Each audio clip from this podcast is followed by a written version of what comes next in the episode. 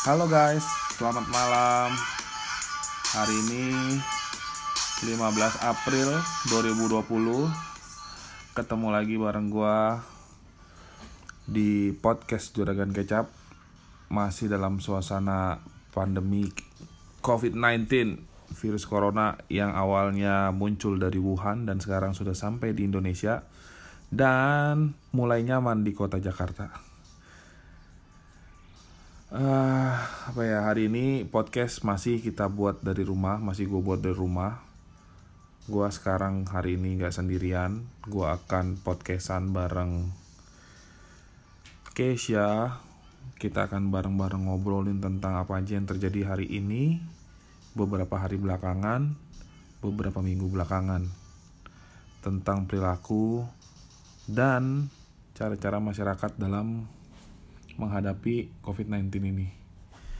Nah, uh, langsung aja. Ini gua udah sama Kesia. Oh ya, anyway, Kesia ini on call ya. Dia online karena kita masih ngejalanin social distancing. Lalu juga karena adanya hmm, apa kebijakan di Jakarta tentang pembatasan berskala besar. Jadi kita lakukan sesi podcast ini melalui telepon. Mana Kesia suaranya? Halo Kesia. Halo.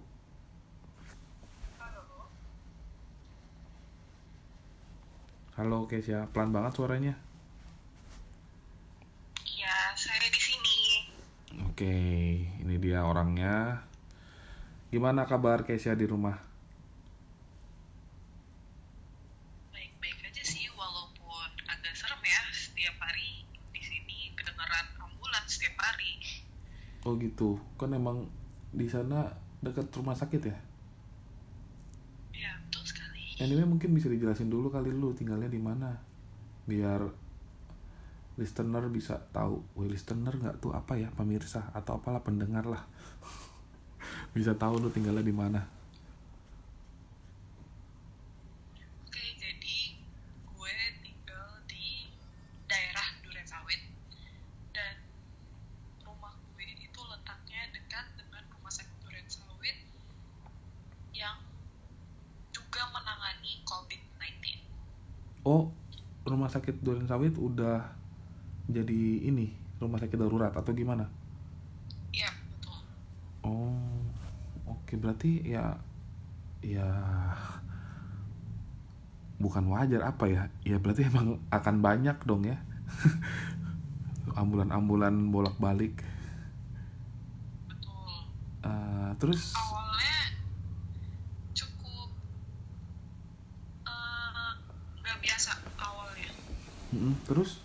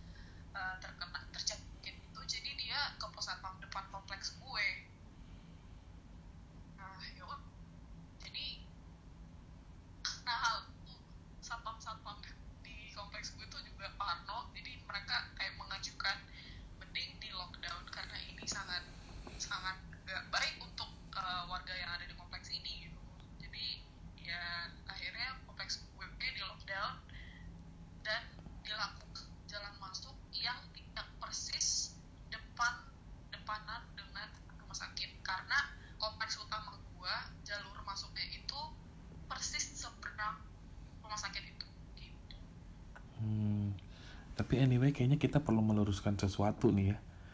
Ini yang terjadi nih yang benar-benar jadi keresahan gua dan uh, ini yang perlu kita luruskan. Sampai di meme juga di meme di Instagram Twitter itu banyak tersebar. Kayaknya perlu diluruskan soal lockdown. Di Indonesia di Jakarta tidak pernah ada lockdown sebenarnya. Cuma pembatasan. Jadi kita perlu lurusin dulu nih mungkin yang lu maksud di komplek itu bukan lockdown kali ya pembatasan akses. Karena kalau lockdown itu secara artian bener-bener nggak boleh keluar rumah loh. Jangankan apa ya ininya benar-benar di dalam rumah aja udah lu dikunci. Dan itu udah jelas tegas diatur oleh pemerintah bahwa lockdown itu nggak boleh. Mungkin maksudnya pembatasan kali ya bukan lockdown. Biar clear nih karena lockdown itu nggak ada emang benar-benar nggak ada lockdown RT RW nggak ada lah istilahnya lockdown RT RW iya nggak sih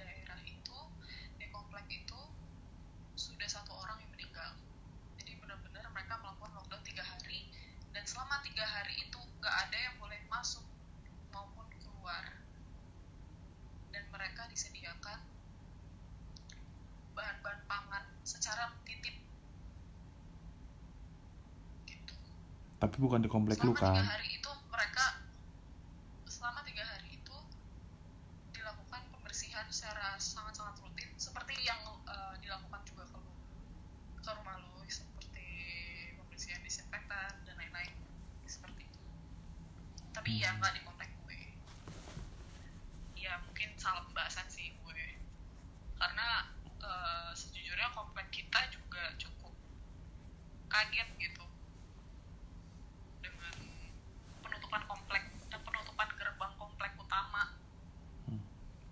ya intinya mau sih keresahan gue itu adalah orang-orang yang mulai dengan gampangnya bilang lockdown. Entah kenapa gue nggak suka sih dengar istilah lockdown itu karena orang-orang yang bilang lockdown lockdown itu orang-orang yang nggak ngerti maksudnya lockdown itu apa. Ya ini yang berbahaya buat masyarakat juga. Karena ketika lockdown ini udah jadi istilahnya bahasa utama itu nanti akan ya sekarang aja gini loh. Ini ada sekarang ini yang terjadi ada dua sisi ini. Ada masyarakat yang minta lockdown dengan alibi alih-alih ibaratnya lebih baik sehat daripada ekonomi dan bla bla bla bla. Ada yang minta tetap beroperasi gitu nggak bisa ekonomi mati gitu. Jadi ada dua sisi nih. Jadi ketika udah mulai lockdown lockdown lockdown yang pada faktanya sebenarnya lockdown itu dilarang juga yang ada itu yang diberlakukan adalah pembatasan akses ya sama di rumahku juga ada pembatasan. Setiap masuk yang tadinya biasanya nggak ada portal dibikin portal. Setiap mau masuk tunjukin KTP disemprot disinfektan. Gojek gojek juga dimandiin deh tuh pakai disinfektan dan segala macem. Itu sama ya itu dalam artian itu sebenarnya bukan lockdown ya kayak gitu-gitu pembatasan. Yang orang-orang juga di dalam rumah masih bisa keluar gitu. Karena yang lockdown sesungguhnya yang terjadi di Wuhan yang benar-benar nggak bisa keluar rumah bahkan nggak ada tuh pembelian antar-antar gitu kayak gitu nggak ada. Memang benar total lockdown itu benar-benar total. Itu sih yang yang yang yang bikin gue resah tuh orang-orang lockdown lockdown. Jadi stigmanya tuh jadi gini gue takutnya ah, mana nih? Udah di lockdown udah di lockdown udah di lockdown tapi nggak nggak beres-beres nih virus. Padahal sebenarnya kita nggak melakukan lockdown. Jadi tuh akan muncul stigma bahwa pemerintah ini nggak becus ngadepin corona karena ini udah di lockdown tapi tetap aja nggak beres-beres corona. Nah itu kan jadi jadi apa ya jadi jadi jadi satu nilai negatif juga akhirnya yang membuat keresahan lagi. Gitu. Gimana tadi? Pas apanya? Pas maksudnya pas ngobrolnya sama gue yang ya bisa dibilang gue punya keresahan itu gitu. Keresahan apa iya. Ya justru itu makanya, makanya gue ajak ngobrol. Yang kayak yang bilang uh, jadinya punya stigma si lockdown itu gitu. sekali. Nah itu itu satu. Kedua juga soal lockdown lockdown nih. Ini keresahan satu lagi soal gimana ya ini mungkin agak sensitif ya hopefully ini nggak menyinggung siapa pun. Soal lockdown. Ada kubu-kubu ada beberapa kelompok yang teriak-teriak lockdown. Teriak-teriak bahwa lockdown itu penting lebih baik mengamatkan manusia daripada menyelamatkan ekonomi. Kalau ekonomi runtuh bisa dibangun kembali. Kalau manusia yang mati tidak bisa dihidupkan kembali. Oke siap, betul. Tapi di satu sisi kubu itu juga yang menolak, yang koar-koar, teriak-teriak ketika mereka tidak diperkenankan untuk berkumpul dan melakukan ibadah bersama. Kan aneh ya? Dia teriak-teriak minta lockdown. Tapi kalau ibadah maunya ngumpul-ngumpul. Padahal ibadah ini sendiri sebenarnya bukan cuma satu agama aja tapi semuanya rata nggak boleh berkumpul karena apa ya tadi ini baru pembatasan berskala besar belum lockdown. Nah ini kan jadi kontradiksi ya. Mintanya lockdown. Tapi mereka tetap mau untuk beribadah kumpul-kumpul. Iya nggak sih? Jadi kayak ih apa sih ini orang maunya? Gitu loh.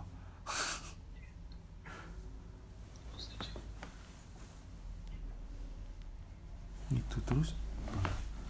Itu yang kedua. Yang ketiga. Kemarin ya gue beberapa hari lalu tuh sempet uh, harus pergi untuk ngecek rumah di suatu daerah lah. Nah uh, dengan sistem pembatasan yang katanya ada sistem pembatasan ini kan katanya ada titik-titik ada titik-titik checkpoint yang akan dilakukan pemeriksaan ya. Nah uh, di kawasan itu ada titik pemeriksaan. Terus gue lihat nih ada pengukur uh, suhu ya kan yang ditembakin ke kepala satu-satu mobil diberhentiin terus disemprotin dis disinfektan. Nah ini yang jadi keresahan gue gini. Pertama di checkpoint itu yang terjadi bener dilakukan pemeriksaan. Tapi yang diperiksa cuma supirnya doang. Itu satu. Iya ya kan? dua. Dua nih. Itu mobil disemprot sama disinfektan karena apa? Nggak mungkin dong di dalam mobil disemprot disinfektan. Secara ada orangnya ya kan? Bukan cuma virusnya ntar orangnya mati juga ya kan? Nah jadi cuma mobilnya disemprot. Pertanyaannya ketika mobil itu disemprot mobil itu kan masih jalan. Mobil itu masih jalan. Terus apa gunanya disemprot? Dia akan kecipratan air lagi dia akan kena debu lagi dia akan kena dan bla bla bla bla bla. Apa gunanya mobil disemprot? Terus berikutnya gue lihat supir truk yang entah bawa apa tapi yang pasti tugasnya ada tugasnya adalah delivery mengantarkan barang pertanyaan gue ketika dia dicek tak ternyata badannya panas terus apa yang akan dilakukan buat supir truk ini apakah dia disuruh balik atau disuruh menepi, dirawat, atau bagaimana. Secara logika gue berpikir nggak mungkin dia berhenti. Karena kalau dia dalam dalam pekerjaan dia mengantarkan barang, dia tetap harus mengantarkan barang kan. Nah ini nih, ini baru tiga. Yang berikutnya lagi. Kemarin waktu gue uh, ngecek rumah gue itu di pos di pos ini di pos apa namanya kemarin ya BNPB kalau nggak salah ya dia ada posnya kan pos BNPB ini ada nih TNI polisi terus uh, orang-orang berbaju oranye itu kan. Nah pas gue lihat mereka ada yang ngecek. Ada yang ngecek terus uh, yang ngecek itu kan di pinggir jalan. Nah tapi yang di tenda itu tetap ngumpul-ngumpul ngobrol-ngobrol ngopi ngerokok dalam hati. Ini kok petugasnya malah kayak nggak ngerti apa maksudnya pembatasan gitu loh. Apa maksudnya social distancing? Kalau soal pakai masker apa enggak sih? Nggak terlalu perhatiin ya lupa ya. Tapi yang ngecek ngecekin di pinggir jalan pakai masker. Gitu. Cuman ya ya tadi ya ya kita kan sekarang udah jelas nih arahannya untuk social distancing. Ya mungkin mereka capek apa bagaimana tapi ngobrol-ngobrol ketawa-tawa ngopi ngerokok kelihatan banget gitu jelas ya. Artinya nggak menjadikan contoh gitu loh maksudnya. Itu terus selanjutnya juga soal tadi eh, yang checkpoint checkpoint itu ya. Pertanyaan pertanyaan pentingnya itu adalah ketika cuma si supir yang dicek suhu badannya penumpangnya enggak. Ya kan? Terus kalau seandainya penumpangnya terjangkit atau di antara di mobil itu terjangkit apa yang akan dilakukan di mobil itu? Apakah akan ditepi di menepi dibawa ke rumah sakit atau bagaimana? Itu nggak tahu ya kan? Itu yang satu. Yang kedua disinfektan. Disinfektan daripada dibuang-buang buat nyemprotin mobil di jalan? Apa nggak sebaiknya dibagiin ke RT RT buat nyemprotin di rumah secara rutin? Iya nggak sih? Terus ibaratnya aduh nggak habis pikir gitu. Maksudnya tuh buat apa dis- di- disinfektan disemprotin di mobil sementara mobil itu masih berjalan nggak tahu arahnya ke mana nggak tahu berapa jauh lagi. Satu lagi soal tadi yang pembatasan di perumahan-perumahan. Mulai banyak kan sekarang perumahan-perumahan yang dibatasin ditanyain KTP-nya terus juga disemprot. Kayak di perumahan gue tuh mobil kalau mau masuk disemprot. Ditanyain KTP tinggal di mana gini gini gini terus ya tadi yang jadi pertanyaan itu yang jaga-jaga di gerbang itu banyak. Pertanyaan pentingnya ini orang secara sukarela apa dibayar? Itu satu. Kedua mereka melakukan penyemprotan-penyemprotan gitu juga yang sebenarnya juga nggak terlalu banyak berpengaruh menurut gua. Ya kan? Disinfektan yang disemprot juga itu kelihatan banget cuma formalitas.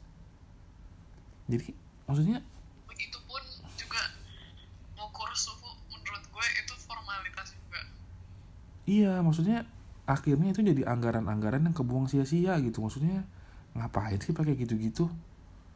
Lebih baik yang jelas-jelas aja gitu. Kayak tadi biaya atau anggaran buat penyemprotan itu atau bahkan mungkin buat orang-orang yang bayar untuk bayar orang-orang yang jaga gerbang itu lebih baik dialokasiin buat bagiin disinfektan ke rumah-rumah, disemprotin atau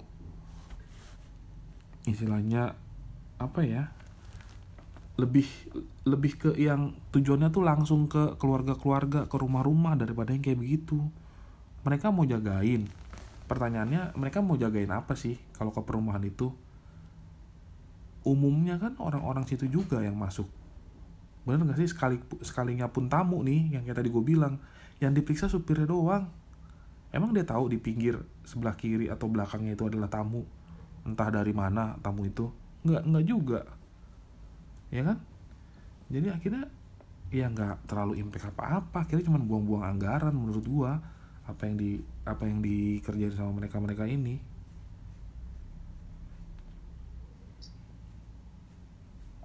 Itu terus ya mulai banyak juga di media sosial kan udah mulai viral.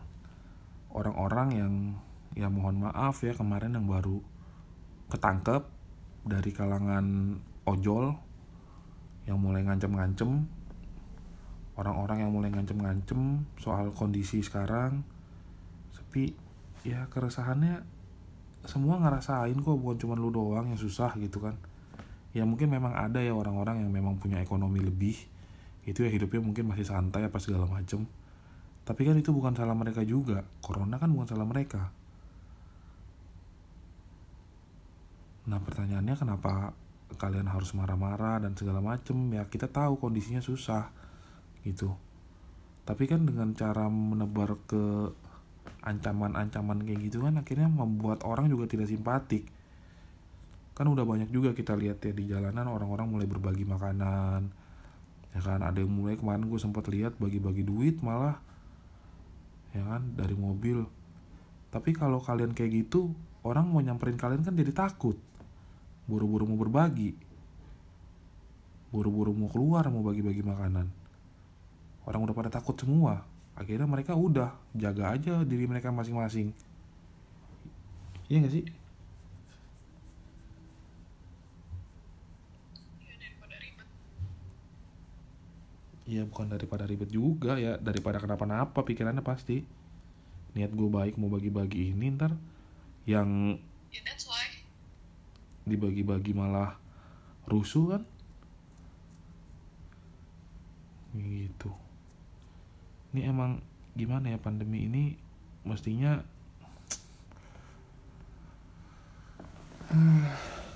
bisa dihadapi. Karena menurut gue mungkin karena banyaknya kalangan itu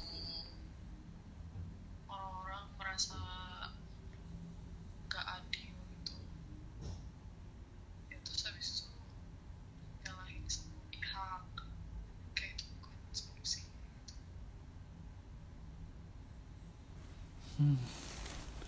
Terus selain itu juga kemarin gua di jalan tuh sempat ngobrol-ngobrol nih sama teman gua soal corona ini.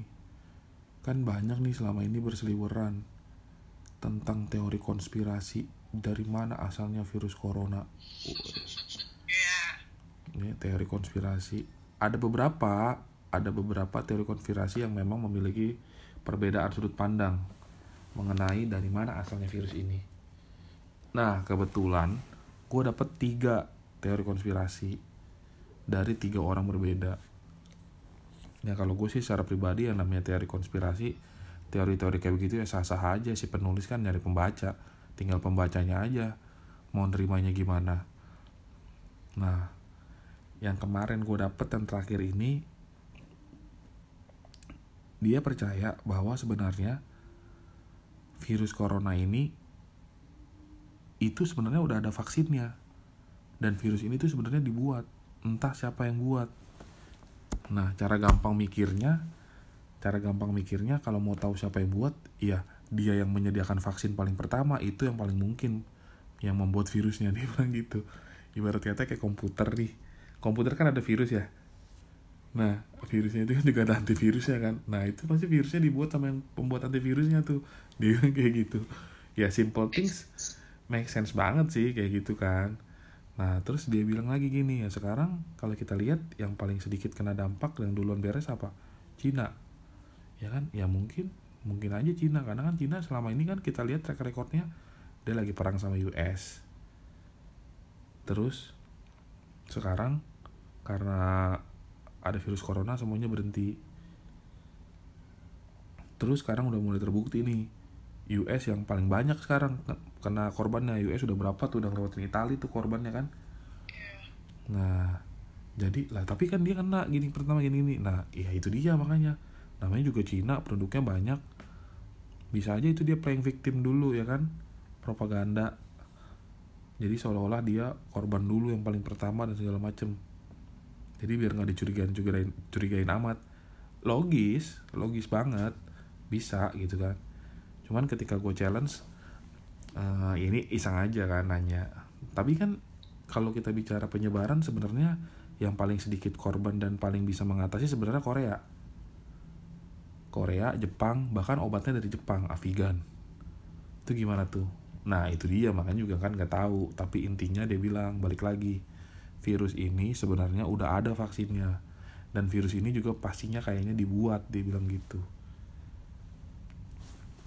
Dan dia juga sempat entah siapa tapi dia lebih cok gitu. Hah? Entah siapa tapi ya udah kayak gitu. Iya dan dia juga bilang dia lebih condong kayaknya ini Cina yang buat. Dia bilang gitu. Tapi ini bukan rasis ya. Ini bukan rasis karena kebetulan yang ngomong ini juga orang Cina. Yang ngomong ini juga kebetulan orang Cina. Jadi dia bilang e, bukan yang mau rasis gue juga orang Cina. Dia jadi maksudnya ya karena kan belakangan ini kalau kita bicara rentetan-rentetan kejadian pertama Cina US lagi trade war. Kedua dari 2015 nih Cina, Cina juga udah kelihatan nih mau mau mau menonjol mau menggeser Amerika sebagai iya mau menggeser Amerika gitu kan. Dia 2015 juga secara finance dan gua mengakui bahwa China itu secara finance sudah berusaha untuk menjadikan yuan sebagai salah satu mata uang utama di dunia. Dan pertumbuhan ekonomi China memang sangat pesat. Lalu juga ya udah beberapa kali dicoba untuk negara berkembang untuk bertransaksi menggunakan mata uang yuan. Nah, dari ya tadi rentetan kejadian itu sampai akhirnya terjadi corona ini, lalu yang bisa mengatasi paling pertama dan paling stabil itu adalah Cina, ya wajar aja kalau ada orang yang berpikir bahwa oh ini adalah teorinya dari Cina nih, obat apa obatnya, virusnya dari Cina gitu kan segala macam karena Cina mau menguasai dunia dan diperkuat lagi. Tapi ini gue nggak tahu nih. Kalau kata temen gue itu akan ada teknologi 5G virus ini akan solve nanti ketika teknologi 5G ini memang sudah selesai digarap dan Cina launching. Gitu. Katanya dia begitu. Tapi ya kita lihat aja bareng-bareng. Dia bilang itu itu teori paling terakhir yang gue dapet. Teori sebelumnya itu kebalikannya. Teori sebelumnya itu US sumbernya. Kan ceritanya kan ya kejadiannya kejadian real juga sama. Rentetan kejadian.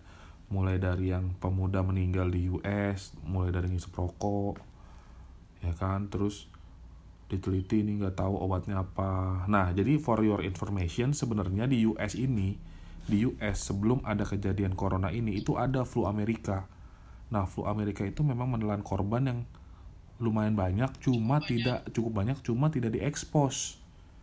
Gitu barulah muncul ke China gitu kan. Nah begitu muncul di China diekspos dalam bentuk dan nama yaitu COVID-19 coronavirus. Gitu.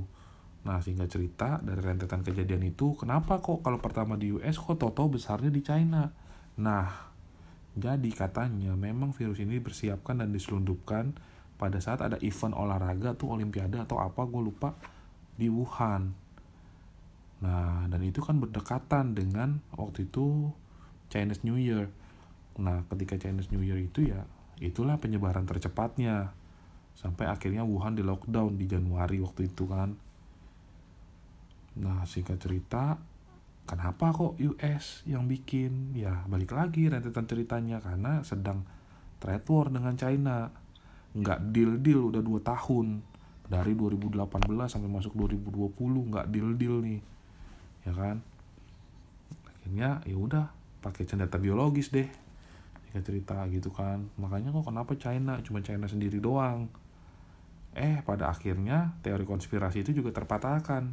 Kenapa? Karena pada akhirnya sekarang US korbannya justru malah lebih banyak. Gitu kan? Itu teori konspirasi yang kedua. Terus teori konspirasi yang ketiga sumbernya dari Israel. Ini ada lagi nih dari Israel nih. Kenapa? Ada lagi dari Israel. Kenapa kok bisa dari Israel? Ya secara Israel kan dia mau menguasai dunia dari dulu dan bla bla bla. Tapi ini agak sedikit kurang sih kalau gue bilang untuk teorinya. Karena cuma bermodalkan Israel dari dulu bla bla. Ya dalam tanda kutip lebih sara dan rasis sih. Gitu kan. Tapi ya udahlah dengerin aja ya. Itu uh, dia bilang iya Israel. Karena yang ya kita bisa bilang coba ditanya sekarang Israel korbannya ada berapa sampai sekarang? Coba. Hitungan seluruh wah korban sampai berapa? Loh kalau bicara korban sampai berapa gue jok gue bikinin jok saja. Ya lu lihat aja Korea Utara. Korbannya nol. Berarti Korea Utara dong ini yang buat. Ya kan? ya Korea Utara berarti ini yang buat nih. Korbannya nggak ada nol. Begitu satu besoknya langsung nol. Muncul dua besoknya langsung nol. Korea Utara nih berarti nih. Yang buat. Ya tapi itu cuma jokes itu teori ketiga. Ya kan? Emang kadang-kadang nah intinya yang mau disampaikan di sini obrolan sini ini kenapa orang-orang jadi asik berteori ya? Menyalahkan. Dari kambing hitam. Ya kan? Iya kalau masih yang make sense make sense sih oke oke aja. Ini yang mulai teori ketiga ini nih tadi dari Israel yang sejujurnya kalau teorinya make sense nyambung storytellingnya ada ya nggak apa-apa gitu. Cuman ya kalau cara berpikir gue oke okay, ini Israel yang buat. Kalau Israel yang buat menurut gue nggak mungkin US jadi korban terbanyak. Kenapa? Karena US ini orang isinya orang-orang Yahudi juga orang-orang Israel. Ya kan? Pasti udah ditolongin. Pertama orang temennya sekutunya. Ya kan? Nah ini makanya nggak make sense. Tapi penjelasannya cuma Israel nih Israel. Waduh ini ya kacau nih. Udah mulai berbau-bau sembuh pendek gitu kan. Iya itu itu itu itu itu meresahkan banget sih terus yang berikutnya juga apa ya kemarin beberapa hari gue baca artikel mengenai uh, para pengusaha yang sudah mulai menjerit. Bisnis-bisnis yang sudah mulai berasa nih impactnya. Nah ya gue sebagai pekerja juga sebenarnya udah mulai bisa merasakan sih untuk bukan merasakan ya apa melihat lah dampaknya yang apa apa yang terjadi sama usaha-usaha cuma ya balik lagi ya kalau gue sebagai budak korporat mikirnya lu juga selama ini kan udah cuan. Masa lu udah untung? Masa lu mau untung terus? Giliran ada potensi rugi lu kabur. Enak banget hidup lu gitu. Ya kan? Nah ini nih yang, yang jadi keresahan nih. Nah untungnya nih untungnya nih Indonesia punya Hotman Paris untungnya Indonesia punya Hotman Paris. Kenapa gue bilang untungnya Indonesia punya Hotman Paris? Beberapa hari lalu gue lupa gue sempet baca Hotman Paris teriak soal omnibus law terkait dengan dampak corona perusahaan-perusahaan melakukan PHK tanpa membayarkan pesangon yang wajar. Nah untung nih udah ada omnibus law cuman nggak tahu nih realisasinya gimana. Ya balik lagi ya mudah-mudahan apa ya omnibus law ini bisa benar-benar diterapkan gitu Eh, gimana menurut lo sama corona banyak ilmu ya jadi saya tuh Hah? jadi makin banyak tahu gitu loh karena gue salah satu orang yang jujur awalnya eh, resah makin lama makin resah karena kondisi lingkungan yang tadi di awal udah gue ceritain dan jujur soal corona gue gak terlalu update lagi jujur dengan lo cerita kayak gitu gue jadi oh tahu oh oh oh oh, oh gitu cuman ya itu karena gue nggak bisa apa-apa selain melakukan peraturan pemerintah jadi cuman oh sampai di sini ya tahapnya di dunia di Indonesia nah nah yang nah nah yang baru-baru ini nih kemarin kemarin atau apa ya mudah-mudahan yang gue baca nih bener ya valid ya. Itu bem seluruh Indonesia tuh udah mulai bersuara lagi nih bem seluruh Indonesia nih. Lu salah satu anak-anak yang ikut demo nggak kemarin lu? Maunya. Maunya. Ah emang ini ciri-ciri generasi-generasi tidak berpikir panjang dan tidak mengerti apa yang sedang diperjuangkan. Bem saya di ganda belakang aja nah, ini cuma lihat doang. Oh iya iya iya. Oh bem yang aku udah bilang eh kok seperti yang gue udah bilang eh, karena ini kondisi ini tuh udah udah separah itu di sini daripada gue makin parah ya udah dan soal yang tadi lu bilang ya ada ada kayak gitu-gitu ya ada tapi ya udah gue cuman hahaha udah gue gue angkat-angkat gue Iya, BEM, seluruh Indonesia udah mulai ber, ber- bersuara lagi soal lockdown lagi, balik lagi lockdown. Nah ini ya, nih balik lagi nih, makanya gue bilang nih, ini orang-orang ini, bocah-bocah ini nih, nggak ngerti sesignifikan apa dan efek dominonya apa untuk lockdown. Lu pernah kebayang nggak menurut lu kalau terjadi lockdown nih, apa sih yang terjadi di Indonesia?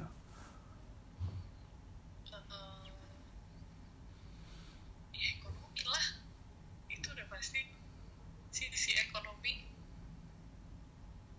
Terus, sisi ekonomi kenapa? itu akan mempengaruhi itu ekonomi itu ekonomi setiap keluarga setiap orang dan lain-lain survival untuk bisa hidup ya di situlah diuji Itulah diuji. Yang jelas nih di negara-negara lain yang sudah melakukan lockdown itu tidak berjalan sesuai dengan rencana. Contoh di India rusuh. Contoh apalagi di Itali rusuh. Ya, kan? contoh mana lagi? Eh, Filipin rusuh. Nih, kebayangin nih kalau Indonesia nih Jokowi kayak Duterte udah mati lu tembak-tembakin. Kenapa? Karena nggak semua orang bisa melakukan lockdown. Alasannya apa? Ya tadi ekonomi. Ya, ya lu mak bapak lu mungkin kaya kan lu bisa kuliah kan, makanya mak bapak lu punya duit mungkin, makanya lu tertek lockdown. Mungkin juga karena lu udah males kuliah lu minta-minta lockdown. Enggak, ini mahasiswa BMSI ini, BEM seluruh Indonesia yang katanya pinter, padahal mah gue yakin enggak. gue tau persis anak BEM bagaimana. Nah, sorry nih bukan mau mengucilkan dan memukul rata anak BEM tapi nggak sedikit anak BEM yang cuma gaya-gayaan gitu. Nah balik lagi nih efek dominonya apa? Nih pertama nih biar lu nih yang denger nih kalau seandainya lu denger nih siapa pun lu mau lu anak bem kek mau lu anak bom kek mau lu anak apalah situ ya biar lu denger nih lu ini anak-anak muda yang harusnya bisa berpikir jernih dan berpikir berpikir maju. Jangan terus-terusan jadi pemuda berflower lu. Pertama kalau di lockdown ekonomi stuck mati. Tapi ekonomi bisa dihidupkan kembali kalau orang nggak bisa dihidupkan kembali. Oke okay. agree. Orang nggak bisa dihidupkan kembali. Gue agree kalau orang nggak bisa dihidupkan kembali. Tapi pertanyaannya kalau ekonomi mati apa yang akan terjadi? Yang miskin menengah ke bawah nggak bisa makan coy. Itu kan tugas pemerintah untuk biayai dan bla bla bla bla bla bla woi ini Indonesia. Ya, yeah. pemerintah punya duit. Lu pikir orang-orang yang punya jabatan, orang-orang yang dikasih tanggung jawab untuk membagikan itu akan membagikan semuanya 100%. Gua yakin enggak, dimakan sama dia. Yang bagi-bagiin contoh di Jakarta lu lihat. Nih Jakarta nih kota paling kaya. Ada bantuan, nyampe enggak ke yang berhak menerima bantuan? Enggak ditilep. Itu yang lu bilang tugas pemerintah. Hah? pemerintah tuh bukan cuma negara ada pemerintah provinsi pemerintah daerah. Banyak birokrasinya banyak potongannya nanti. Nyampe di masyarakat kecil berapa? Lu mikir situ pakai otak. Itu yang kedua. Yang ketiga. Ketika bantuan gak sampai ya kan udah banyak contoh kejadiannya tuh para ojol pada marah-marah ngancem-ngancem dan segala macem. Akhirnya apa? Situasi keamanan sosial politik itu nggak kondusif. Akhirnya apa kalau nggak kondusif? Sekarang aja kondisi kayak sekarang nih investor udah pada lari. Terus lo mau ngomong kita bisa berdiri sendiri dan gini berdikari segala macam bacot. Baju lu aja ngeproduksi bukan Indonesia sepatu lu yang produksi bukan Indonesia. Odol yang buat nyikat jigong lu bukan Indonesia yang punya. Itu lu pikir. Kalau mereka pada cabut ekonomi bagaimana mau bangkit? Terus nih orang-orang ntar mau makan apa? Akhirnya apa jadinya? Orang nggak bisa beli. Kalau orang nggak bisa beli jadinya apa? Nyongkel toko orang nyongkel supermarket nyongkel mall. Kejadian lagi tuh 98 lu sih enak mungkin ya lu mau maling-maling juga sama sekalian ya aja mumpung makanya lu mau lockdown itu tujuan lu. Contohnya apa tuh di Filipina lu lihat udah pada nyongkel. Di Amerika orang udah pada beli senjata buat nyongkel toko orang buat nyongkel supermarket. Itali semua itu lu mikir sampai situ. Makanya lu main yang jauh jangan cuma nongkrong no nongkrong rokok main PS ngobat kerjaan lu para mahasiswa itu efek domino. Nggak segampang itu lu bilang ngebangkitin ekonomi buat orang-orang siapa pun bahkan politikus yang bilang ekonomi bisa dibangun lagi otak lu dipakai. Gue tau lu duduk di situ bukan cuman karena lu pinter tapi karena lu menang bacot sedikit kerja nggak bisa mikir. Jadi emosi gue kan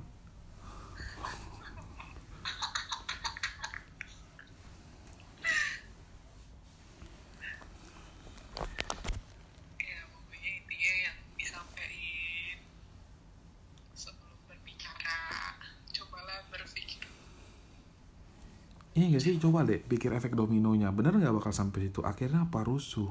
Orang nggak dapat makan. Itu aja tukang ojek pinter. Ojol-ojol pinter bisa bilang. Urusan perut orang yang tadinya berani bisa jadi berani. Orang nekat urusan perut. Lah ini bener. Akibat lockdown tuh nanti bisa ke situ. Ini aja masih pembatasan berskala besar. Belum lockdown. Gimana kalau udah lockdown? Itu lu pikir jangan cuma jigong doang lu kencengin bilang ekonomi bisa dihidupkan kembali. Kalau ekonomi bisa dihidupkan kembali berapa lama? Keburu berapa banyak yang mati karena ekonomi mati itu lu pahami. Sebelum ekonomi hidup udah terlalu banyak orang yang mati karena saling bunuh karena urusan perut. Itu yang lu pikir. Jangan sosok pinter lu dari presiden. Sekolah belum lulus lu semester aja ngulang pasti semester pendek bagus lu lulus nggak DO lu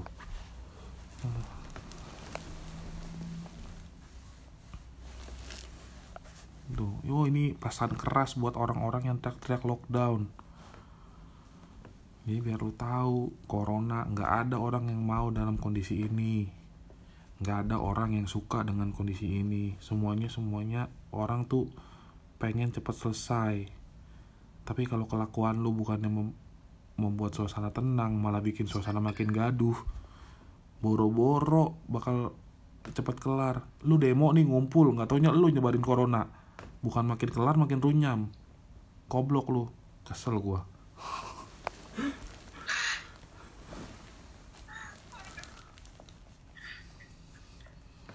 Pas kan gue puterin lagu tadi background di awal GGS nggak apa-apa gue nonton eh nggak apa-apa gue ngomong di podcast anjing bangsat. Tapi gue lebih dari malaikat. Wih sedap.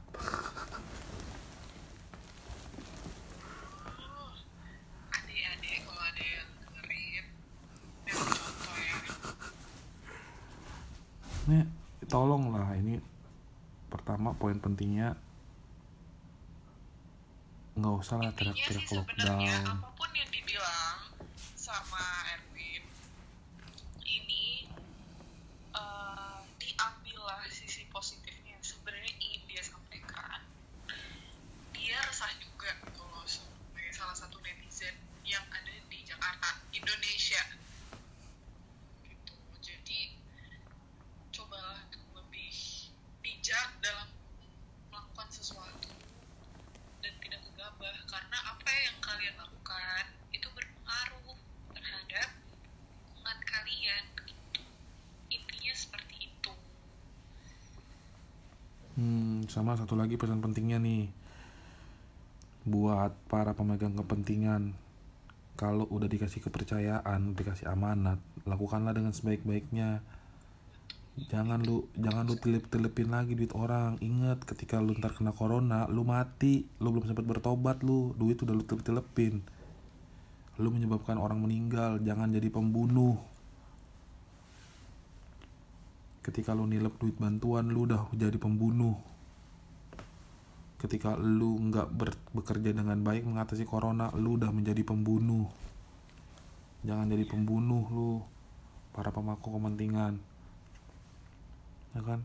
Dan itu kalau saran gua daripada dikasih anggaran buat orang-orang nyemprot nyemprotin mobil nggak jelas terus beli alat pengukur tensi di pinggir jalan segala macam nggak jelas. Lebih baik bantuannya langsung ke rumah-rumah yang memang membutuhkan. Bikin penyemprotan secara rutin di rumah-rumah itu lebih berfaedah daripada nyemprotin rumah buat apa? Eh mobil nyemprotin daripada nyemprot nyemprotin mobil di jalanan buat apa?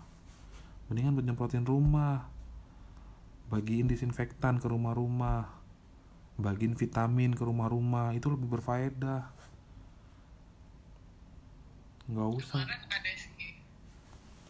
Eh, sorry. Eh, ini udah selesai belum? Ya ngomong aja selalu.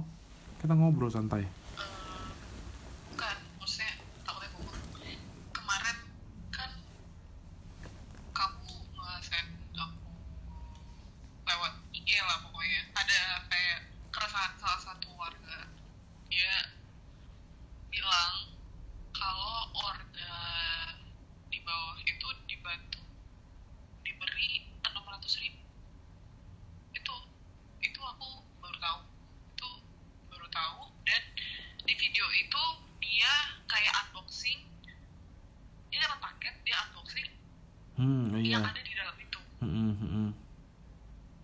terus di situ gue inget di situ dia bilang eh, dia jelas eh, dia keluarin semuanya jadi eh, ada sat, a- ada dua minyak ada dua sabun gift ada dua krek kayak macam biskuit iya iya. Apa ya? Sarden. Sama beras sama kan? sardin sama beras satu. Kayak cuma 5 kilo deh bahkan itu berasnya terus eh, mereka mereka nggak tahu tuh harganya berapa. Tapi mereka mengasumsikan ini aja nggak sampai gitu loh 16 ribu gitu. Mana yang dijanjikan? Mm-mm. Nah, itu gue waktu ngeliat itu karena aja gue bahkan kayak gue cuman memikirkan diri gue sendiri ya udah gue ngelakuin ini deh eh, social distancing dan segala aturan pemerintah daripada gue gue jadi repot dan bla bla bla bla gue cuma mikirin itu sampai titik di mana si Erwin tuh ngasih video ini dan gue kayak gila gue ke mana aja gitu orang ini tuh kayak kelihatannya tuh udah susah banget gitu loh Hmm. jadi kayak entah mereka dapat janji palsu atau gimana gue nggak ngerti tapi ya tolonglah jangan kayak gitu gitu loh kasihan mereka nggak mungkin anaknya cuma satu gitu Hmm. dan itu kayak apa ya lu kalau mau kasih bantuan gitu ya ini ini kayaknya pemerintah daerah sih yang yang emang apa ya nggak jelas maksudnya apa dan mau ngapain. Emang otaknya kayak udah pada rusak semua. Sekarang gini loh kalau gue secara pribadi ya kalau gue secara pribadi lu kasih sembako apa kayak situ sembako apa segala macam gitu logika aja ya misalnya nih kayak ini kejadian tadi dikasihnya sabun sabun gift. Buat apa anjing emang mau putih apa? Orang butuhnya sehat perlindungan 24 jam dikasih sabun gift buat apa? Itu satu. Kedua orang kan hidup nggak cuma makan sama mandi ya. Ada kebutuhan lain-lain. Kalau lu kasih beras dia mau beli token berasnya dijual dulu buat beli token. Dia mau beli apa kebutuhan yang urgent mau bisa berobat apa segala macam berasnya dijual dulu. Ya ini aduh yang iya iya aja lah. Udah kondisi kayak begini ini sih udah fix gue ngeliatnya itu makanya gue berkali-kali bilang ini udah jelas banget ini nggak bener. Ada aja nih yang ngentit-ngentit yang motong-motong yang nyunat-nyunat duit bantuan itu pasti ada nih. Nih. Baru keinget gue tuh waktu tadi yang pesannya lo soal yang tinggi tinggi yang ya itu iya tiba-tiba gue sekalian aja. Kayak gitu ya intinya sih virus corona ini balik lagi kita tuh benar-benar harus sama-sama sih ngadepin. Benar-benar harus sama-sama disiplin social distancing hindari keramaian dan jaga kebersihan jaga kesehatan imunitas itu penting dan yang paling penting ya aduh yang paling penting. Apa ya dibilangnya? Pakai otak gitu kalau ngapa-ngapain. Jangan memperkeruh suasana. Itu aja sih mungkin dari gua. Udah kebanyakan juga nih mungkin yang dengerin udah mulai bete udah mulai kesel. Tapi kalau lu setuju nih kalau lu setuju sama apa yang gua omongin atau lu mau ada apa yang lu sampein lagi podcast ini nanti akan gua share dan buat lu semua yang denger gua harap lu bisa kasih input komen. Kita akan ngobrol lagi nanti. Atau mungkin lu mau join ngobrol juga boleh. Nanti kita ngobrol-ngobrol soal eh, virus corona ini. Sementara ini dulu. Kita akan akhiri podcast hari ini. Bersama gua juragan catch up kecap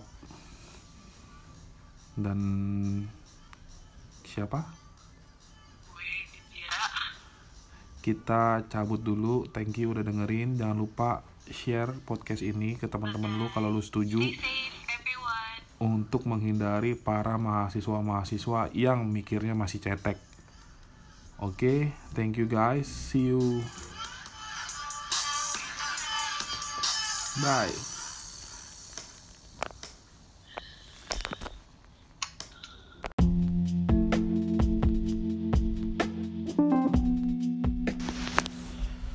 Halo, malam guys. Ketemu lagi bareng gua Juragan Kecap si admin Hobi Investing. Hari ini tanggal 2 Oktober 2020. Baru aja tadi sore ada berita heboh di seputar pemerintahan dunia. Asik pemerintahan dunia. jadi kali ini gue ini mau sedikit update market sama ya sedikit kasih reaction terhadap situasi market belakangan ini sih guys. Ya silakan kalian yang mungkin ngikutin juga dunia finansial, investasi boleh komen, boleh berpendapat. Gue juga bukan orang yang tahu segalanya. Jadi ini intinya cuma ya sekedar opini gue aja, terutama mengenai uh, perkembangan investasi. Oke, langsung aja. Jadi kayak yang gue mention, mention di awal, tadi sore itu siang, uh, siang menjelang sore itu keluar berita mengenai Donald Trump positif COVID-19. Oke, nah menariknya Donald Trump ini terdeteksi positif karena uh, salah satu juru bicaranya ya kalau nggak salah ya atau siapa gitu yang orang terdekatnya dia itu ada yang terkena positif COVID-19 dan mengakibatkan dia uh, akhirnya melakukan tes juga bersama istrinya dan hasilnya keluar tadi sore dan dia menyatakan sendiri bahwa dia positif. Apa sih yang menarik dari positifnya COVID-19 di Donald Trump ini? Nah, ada yang bertanya-tanya nih, kalau Donald Trump positif COVID-19, impactnya gimana nih sama dunia investasi, sama market? Nah, in my opinion, kalau kita bicara soal market, ini agak susah nih dihubungkan dengan uh, kasusnya kasus positifnya Donald Trump. Kenapa? Ya susah ya balik lagi. Memang sih selama ini Donald Trump kita kenal atau kita tahu dia tuh pro sama uh, dunia investasi, dunia bisnis. Dia pro kepada market lah kita bisa bilang. Nah, tapi ya balik lagi kita bicara uh, dunia ini sebenarnya agak bingung juga mau seneng atau mau enggak. Karena kenapa ya? Kita nggak bisa tutup mata juga sebenarnya banyak orang juga mungkin yang seneng dia kena covid gitu. Bahkan mungkin ada yang lebih parah daripada sekedar seneng gitu kan. Karena apa ya? Memang karena dia nih banyak membuat dunia ini tidak tenang dan tidak nyaman ya kan? Ditambah lagi kan sekarang udah deket nih sama US election. Kemarin juga udah ada hasil uh, bukan ada udah ada hasil udah udah udah udah debat pertama nih antara uh, Joe Biden sama Donald Trump kan yang memang ya lumayan panas sih ya lumayan otot-ototan ya sampai Joe Biden pun ibaratnya ya kelihatan agak sedikit naik pitam karena si Donald Trump ini bertingkah seperti orang yang tidak mengerti waktu berbicara gitu kan. Nah, intinya sih yang mau dibahas itu adalah apa sih worst skenario-nya?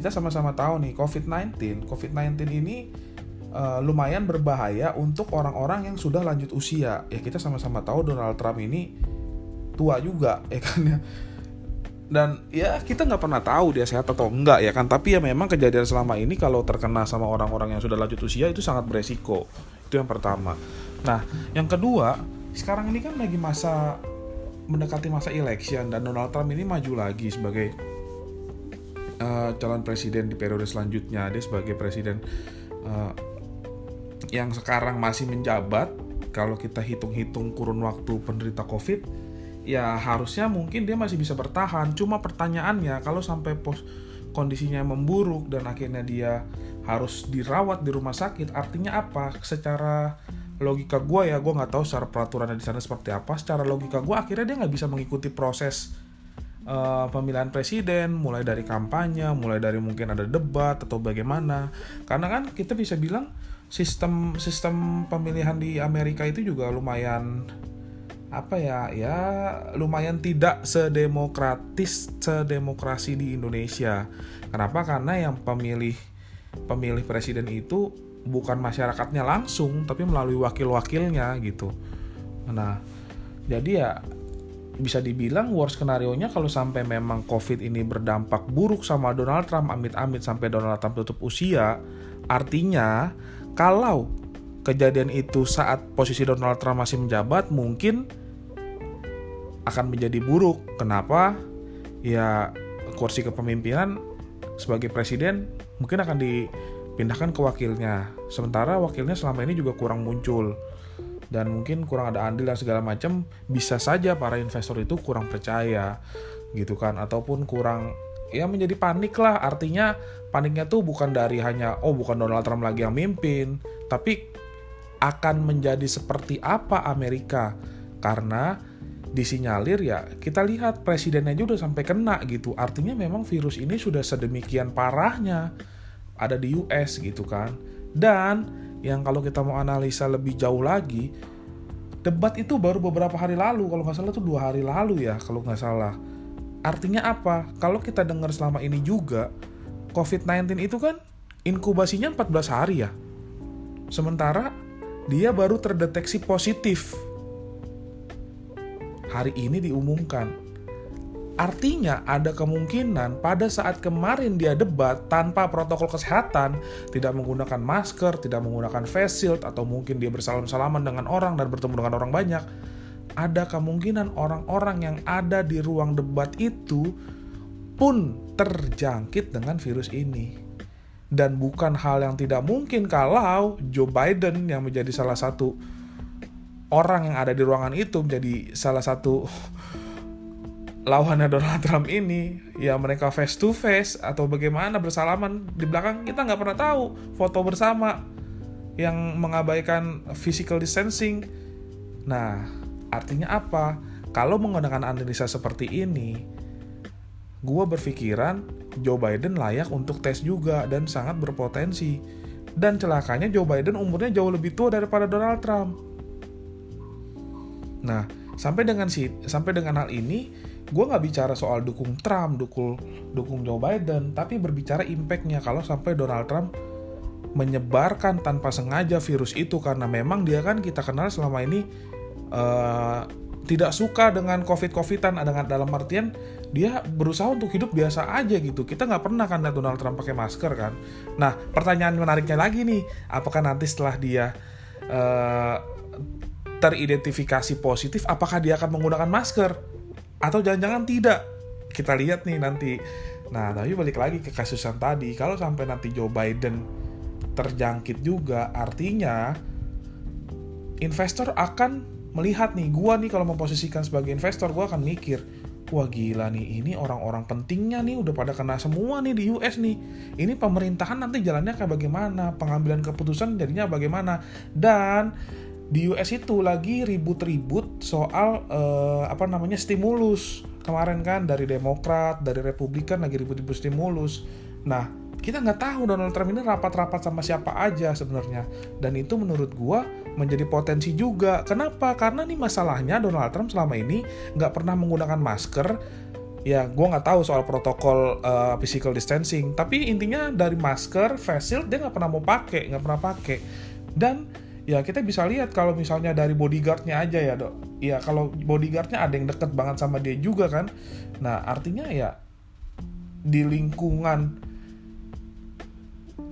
istana kepresidenannya kepresidenannya ini pun udah riskan menurut gua. Dan itu yang membuat ya mungkin parlemennya juga menjadi riskan juga. Dan itu yang membuat gua secara gua sebagai orang awam rakyat jelata yang nggak tahu dunia politik apa segala macam gua nggak memandang dunia politiknya tapi memandang potensi penyebaran COVID-19-nya. Kalau COVID-19-nya menyebar segitu parah di pemerintahan, siapa yang akan mengambil alih pemerintahan? Lalu jika ada yang mengambil alih pemerintahan, apakah yang mengambil alih pemerintahan ini kompeten? Apakah diterima oleh market, oleh masyarakat? Apakah tidak terjadi perebutan kekuasaan? Karena ini menjelang pilpres balik lagi ya kan? Udah masuk masa kampanye debat dan segala macam siapa yang akan mengambil alih? Sementara di US ini calonnya juga cuma dua dan dua-duanya udah tua. Dan dua-duanya sangat beresiko. Kita sama-sama tahu uh, vaksin memang uh, obat sorry bukan vaksin obat ya kalau nggak salah di China udah ditemukan. Tapi selama ini Amerika, US ribut-ributan terus sama China. Mau gimana nih? Nah, itu sih yang yang menjadi menarik. Lalu pertanyaannya kalau di US sana seperti itu kurang baik dampaknya bagaimana dengan di Eropa, bagaimana dengan di Asia dan segala macam. gua menurut pandangan gua mau bagaimanapun mau analisa fundamental mau analisa teknikal segala apa pun ketika terjadi sebuah kasus di luar kebiasaan di luar kewajaran itu akan menjadi sentimen negatif itu akan mematahkan semua analisa teknikal, mematahkan semua analisa fundamental. Karena apa akan terjadi panic selling for a moment untuk uh, apa ya respon sementara gitu kan? Ya kejadiannya ya kayak kemarin-kemarin lah ibaratnya isu vaksin udah ditemukan, kabar vaksin udah ditemukan dan bla bla bla bla bla bla bla. Market naik cepet. Ternyata uh, menimbulkan efek samping, market turun lagi. Nah kali ini presiden US karena apakah yang akan terjadi? Nah kita bisa kira-kira dari hasil dari analisa gue tadi. Kalau gue kalau gue sih berpendapat akan berdampak buruk. Bukan hanya ke US tapi ke negara mana pun. Ya kan kecuali mungkin China ya mungkin China. Atau mungkin ada beberapa orang juga sih mungkin aja ada beberapa orang yang yang tadi kayak gue bilang kan ada pro dan kontra ya. Ada yang senang Donald Trump kena ada yang sedih ngeliat Donald Trump kena COVID-19 mungkin yang senang uh, wah bagus nih dunia akan damai gitu kan. Kalau nggak ada Donald Trump ya kan? Mungkin mikirnya gitu. Tapi karena ada China China udah punya obatnya sedang mengembangkan vaksin dan bla bla bla bla bla bla. Di Rusia juga katanya wah mungkin kalau yang positif yang tidak suka dengan Donald Trump akan menganggap berita ini positif tapi kita balik lagi nggak tahu. Ya kan? Kalau gue melihatnya selama ini market di US sangat senang dengan kebijakan Donald Trump. Ya kan? Dia mengurangi pajak ya kan? Tax holiday. Terus juga uh, semboyannya make US great again ya kan? Itu juga membuat ya orang-orang kalangan atas ya yang pengusaha bisnismen itu happy dan orang-orang inilah yang create market di US Dow Jones gitu kan. Nah ya jadi ya kalau gua lebih ke mungkin akan tadi gue bilang mungkin akan ada uh, negatif impact sedikit ke uh, Asia ya kan. Penentuannya sebenarnya hari ini nih malam ini nih gimana nih penutupannya Dow Jones? Kalau Dow Jonesnya bagus ya mungkin nggak ada terjadi apa-apa kali mungkin mereka tapi kalau penutupannya jelek ya udah tinggal tunggu karena dampaknya aja Asia terutama di Indonesia ya kan? Karena Indonesia nih aduh sensitif banget coy. Indonesia ini Indonesia ini kalau dikategorikan untuk para investor di US ataupun di Europe itu tuh receh. Saham paling mahal di Indonesia tuh berapa sih? Paling harganya buat mereka paling mahal mungkin 3 dolar 4 dolar nggak nyampe 5 dolar saham paling mahalnya ya kan? Ya itu receh buat mereka. Nah jadi kalau asing selama ini dua tahun terakhir mungkin ya asing keluar dari Indonesia ya udah jangan heran kalau nanti juga akan terjadi hal yang sama. Kalau menurut analisa teknikal, beberapa kali gue analisa, sebenarnya saat ini nih dari tanggal 25 kemarin itu sudah masuk ke fase uh, sideways untuk IHSG kita. Sudah bergerak di kisaran 5000, 5, uh, 4900 sampai paling bottomnya itu di 4800. Dan ini 4800 bisa dibilang ini ya support kuat untuk IHSG kita dan diprediksi juga kalau seandainya ini tidak berdampak apa uh, positifnya Donald Trump ini tidak berdampak negatif buat IHSG sebenarnya harusnya ya harusnya uh, analisa gue kurang lebih pertengahan bulan tanggal 15-an ke atas sekitar tanggal 15-an itu IHSG kita bisa membentuk tren baru. Either dia up atau down. Tapi possibility-nya kalau gue lihat itu up ya kan? Cuma ya kejadian kayak gini balik lagi kayak tadi gue bilang kayak tadi gue mention bahwa ya berita itu bisa mematahkan apa pun analisanya dengan sekejap gitu kan. Nah itulah makanya kita tinggal bergantung nanti hari Senin seperti apa. So buat teman-teman yang sekiranya udah cuan sekiranya sudah hijau bisa profit taking wait and see bagaimana perkembangannya? Karena ya terutama untuk investor di Indonesia nih untuk yang teman-teman yang investasi di Indonesia. Kan kita udah sama-sama tahu dipastikan kuartal kuartal 3 ini Indonesia resesi di pasar sih market bilangnya udah pada chip in. Ya kan udah pada ya udah udah udah udah price in lah ibaratnya dengan uh, penurunannya. Jadi kalau penurunan pun nggak seberapa. Tapi balik lagi nih kita nggak pernah ada yang tahu price ini itu seperti apa. Apakah price ini 100% apa 50% ya kan bisa aja kan hit and run. Karena kelihatannya juga beberapa saham yang harusnya sudah trennya positif akhirnya balik lagi ke negatif gitu kan. Trennya nggak jadi trennya batal. Artinya apa ya? Kita bisa lihat semuanya tuh masih pada sistem yang mau invest pun in, hanya sekedar hit and run aja. Hit and run hit and run hit and run. Ya kan? Belum ada yang berani bener-bener invest. Karena apa ya? Balik lagi semua kan perkembangan tergantung ekonomi ya. Gitu. Kalau dalam kondisi kayak gini ya nggak ada yang berani juga. Nah terus uh, untuk Indonesia sekali lagi kita bicara kemarin investasi di Indonesia mungkin possibility-nya udah masuk di sideways ya kan? Nah faktor lainnya juga di Indonesia yang jadi berita positif itu ya mudah-mudahan uh, bisa berjalan dengan baik itu ditekannya kesepakatan perdagangan antara Indonesia dan China yang menggunakan mata uang lokal ya kan? Either itu yuan atau rupiah. Itu sebenarnya jadi berita positif untuk rupiah kita karena rupiah kita udah terlalu lemah banget udah terlalu jelek banget nih. Udah di 14 ribu uh, sekarang ya udah stabilnya di 14.900 14.800 itu sih jelek banget sih gitu kan.